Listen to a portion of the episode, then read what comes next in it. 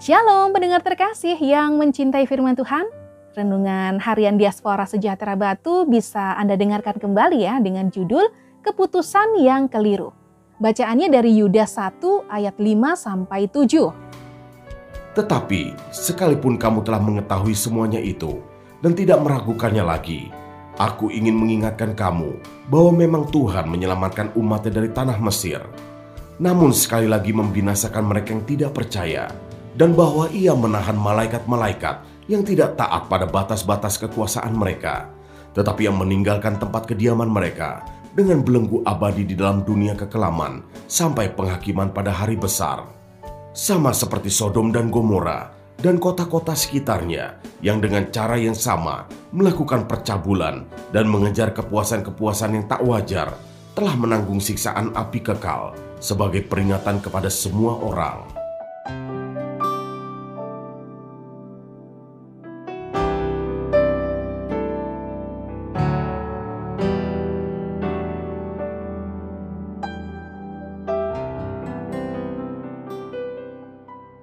Tetapi sekalipun kamu telah mengetahui semuanya itu dan tidak meragukannya lagi, aku ingin mengingatkan kamu bahwa memang Tuhan menyelamatkan umatnya dari tanah Mesir, namun sekali lagi membinasakan mereka yang tidak percaya. Yudas 1 ayat 5 Pendengar terkasih, Allah menciptakan manusia itu dengan tujuan yang mulia. Oleh karena itu manusia diciptakan serupa dan segambar dengannya sehingga manusia adalah ciptaan Allah yang paling sempurna dibandingkan dengan ciptaan yang lain. Sayangnya, karena manusia tidak taat kepada Allah, maka dosa akhirnya merusak ciptaan yang sempurna tersebut. Namun oleh karena kasihnya, maka Allah berinisiatif menyelamatkan manusia dari dosa dengan cara firman Allah berinkarnasi menjadi manusia sehingga manusia dimungkinkan kembali pada pola aslinya. Meski begitu, Allah tetap menghargai kehendak bebas manusia manusia masih diberi kebebasan untuk memilih percaya kepadanya atau tidak.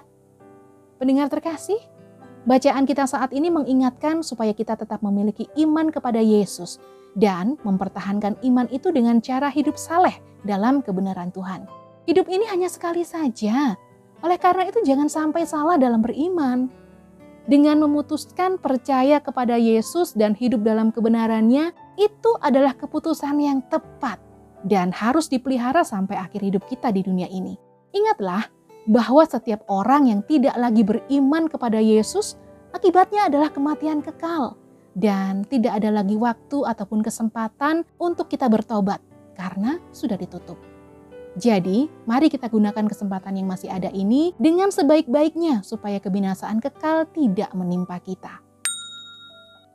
Aku akan menjadi bapaknya, dan ia akan menjadi anakku Apabila ia melakukan kesalahan, maka aku akan menghukum dia dengan rotan yang dipakai orang dan dengan pukulan yang diberikan anak-anak manusia. 2 Samuel 7 ayat 14. Tuhan Yesus memberkati.